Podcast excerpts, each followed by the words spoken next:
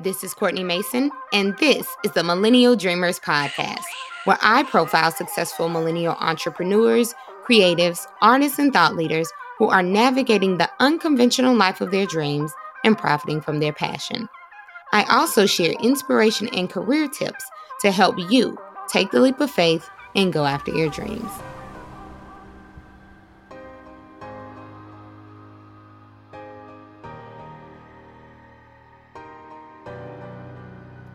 Friends and comrades, I hope you are doing fantastic wherever you are in the world.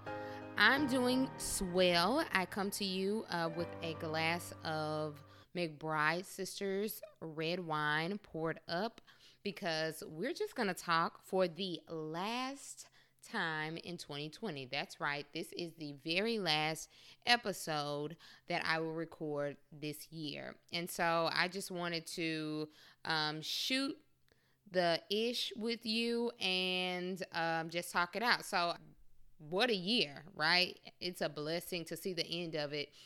There have been moments to laugh, to cry, to reflect, to dance, to rage, to celebrate, to mourn, rejoice, and everything in between. And so, with that said, I wanted to end season three of the Millennial Dreamers podcast on a high note by thanking each of you who have listened week after week, even when there were multiple weeks in between release dates because pandemic and self care and mental health days. So, thank you everyone who has stuck with me as I maneuver this journey and I strive to bring you useful content that can be applied to your life or share with a friend who needs to hear it.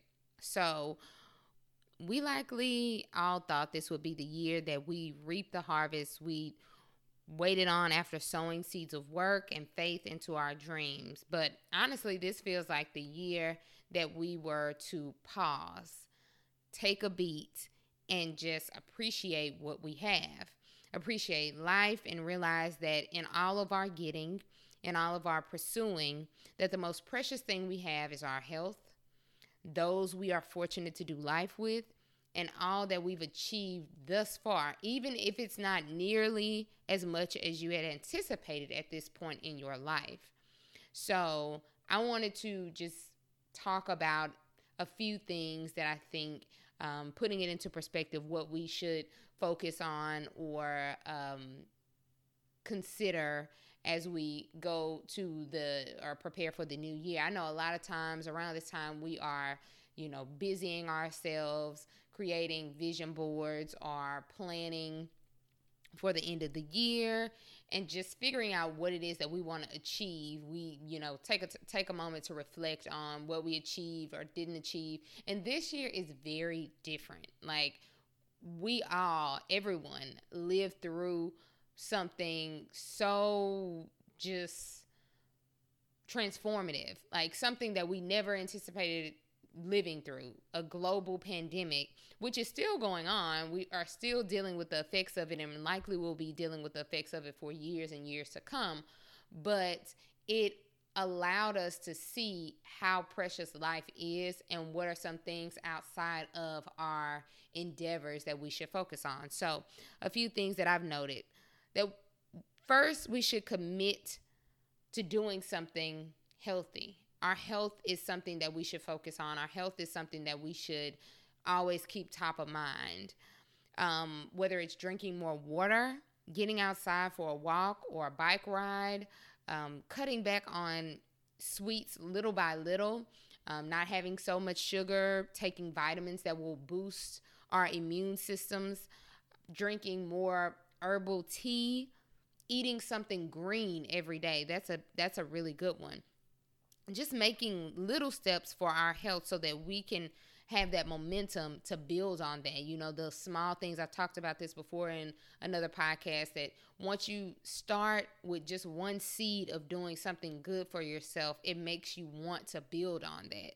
So, walking outside to get a breath of fresh air and deciding that I'm just going to do a lap around the block will turn into doing two laps will turn into committing to running a mile or you know five miles at some point or riding your bike or spending at least three days or four days out of the week exercising or doing yoga or Pilates or something to move your body and ensuring that you are getting the movement that you need, ensuring that you're putting good things in your body. And that will help us as we move forward because, uh, again, we're still living through the pandemic. The COVID 19 has not dissipated.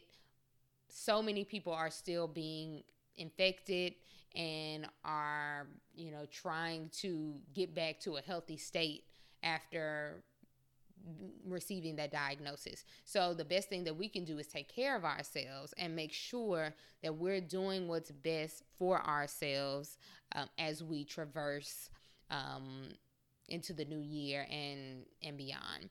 So that was one thing that I, I thought about. And also, secondly, being patient with ourselves is something we should be focused on.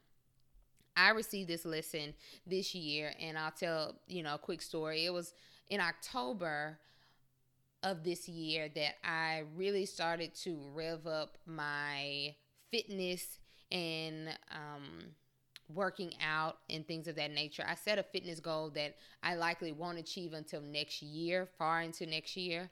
But with that goal in mind, even though it's so far away, I decided that, you know, the best time is now to really just get active and start doing things you know if not every day every other day or just committing to to moving my body so I decided in November that I would get a trainer. I've been working out on my own, doing at home workouts, riding my bicycle around the neighborhood, um, and things like that. But I decided to get a trainer in November.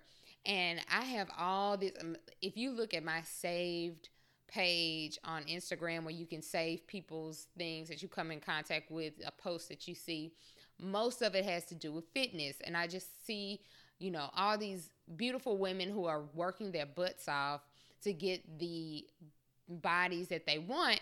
And I have my ideal body in mind. So when I started my training sessions, I think I pushed myself too much to the point where recently I had an injury that you know it was two weeks ago but i'm still feeling pain in one of my legs and that was because i was trying to push myself too much or not listening to my body and not communicating with my trainer.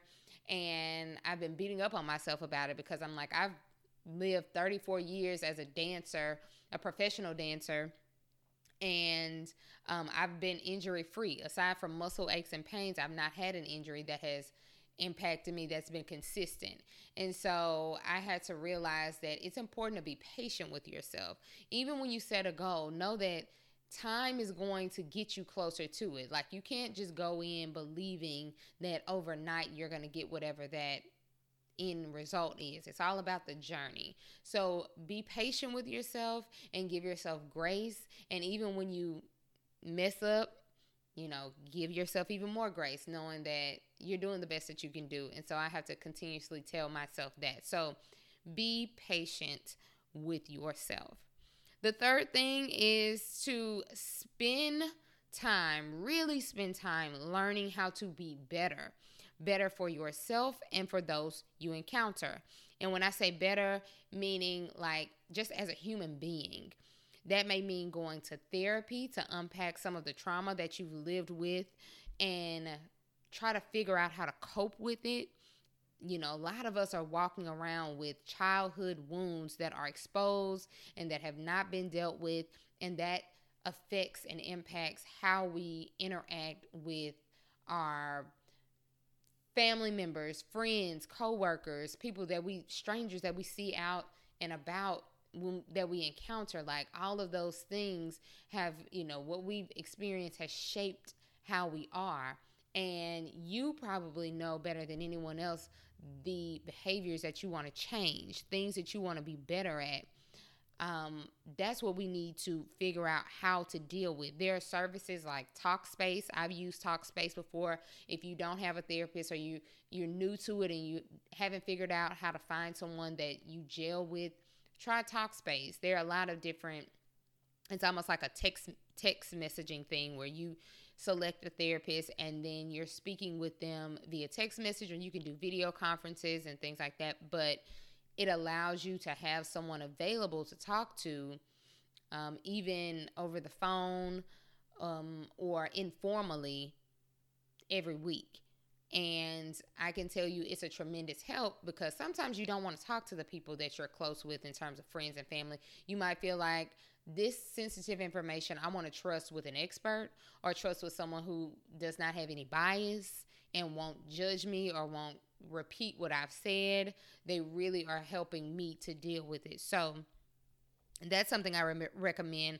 Unlearning hurtful and harmful behaviors by just seeking out experts, like reading self help books. There's so many, so much information out there that we can read that's going to help us with whatever it is that we have even like if it's just procrastination um, if if you are someone who you don't really have great conflict resolution skills um, so many things that you know you know if you do a self-assessment you can probably figure out what it is that you should get better at and finding people that you can listen to experts that you can listen to whether it's videos on youtube podcasts reading their books taking their courses.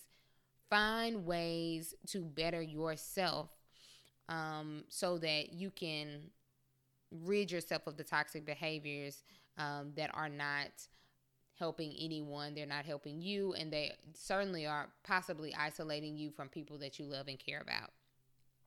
And we also have to practice showing up for ourselves and for others. We don't want to be mediocre in our relationships because we don't know how long those relationships will work life is short. Um, it it feels long and it should be long, but we just don't know. Things can happen beyond our control, and you want to make sure that you're showing up as the best version of yourself and the best version for those who you care about. When you're doing your job, you want to show up as the best employee, the ble- the best team teammate, um, team player that you can, and with any other relationships that you have in your life. So that's one as well. Spend time, you know, bettering, becoming a better person for yourself and for others.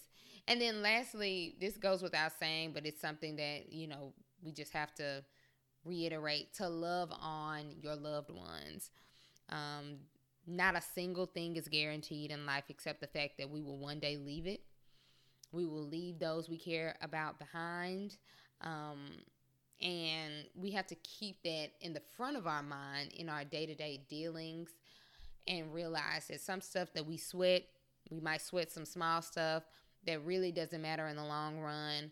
Um, but what does matter is the moments that we spend. Um, friend of mine from law school who I lost contact with, but we also kind of like worked together on the law review e board back in like 2012, um, 2011, 2012. Her name was Brittany, and she lived life like so just voraciously. She just was a lover of life and experiences, and so many people, you know, when she passed unexpectedly, a week or so ago, so many people talked about how they admired her and how she lived her life out loud, how she was so willing to help other people, how she was so willing to love on folks and just tell them, you know, something funny. She had a great sense of humor, so she loved making people laugh. And it just showed, it, it was a moment of reflection. It's like, geez, she was 34 years old, had her entire life ahead of her, and we lost her. And so it just helps us to understand like life is so precious. You got to tell people if you think about someone, call them up and say, "You know what? I was thinking about you." Someone did that to um, to me today and was like, "I was thinking about you last week and I didn't call, but I thought about you again today and I made it a point to call you and just to let you know and say, "Hey," and see how you were doing. And I appreciate that because so often we can think about someone and it's fleeting, right? You don't necessarily, you might be in the middle of something, but when that thought comes in your head, maybe just send a text message like, hey, I just want to let you know that I was thinking about you and I hope all is well, or I love you, or um, take care, or whatever it is that you want to say to that person. Show up for your loved ones and friends and people that you care about as much as possible right now. So, with that said, I wanted to make it short and sweet. But again, this is the very last episode of 2020. Thank y'all so much for rocking with me. Um, I'm just going to work to make this podcast, this platform, bigger and better than ever. Um, stick with some of the goals that I've set uh, find help where I need it and not, you know, think that I have to do everything by myself, but, you know, finding someone who can help me where I need that help and continue to grow and thrive and bring you all the best content that I can possibly bring stuff that you know will help you in whatever your endeavors are. So much love to you. Happy holidays and i will see you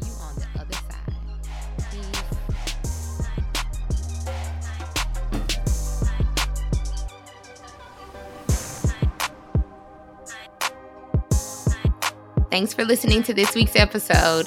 But before you leave, hit the subscribe button and leave a comment. We want to know what you think about the episodes that you've heard so far. Let us know by subscribing and leaving a comment. And again, thank you for tuning in. We'll talk soon. Peace.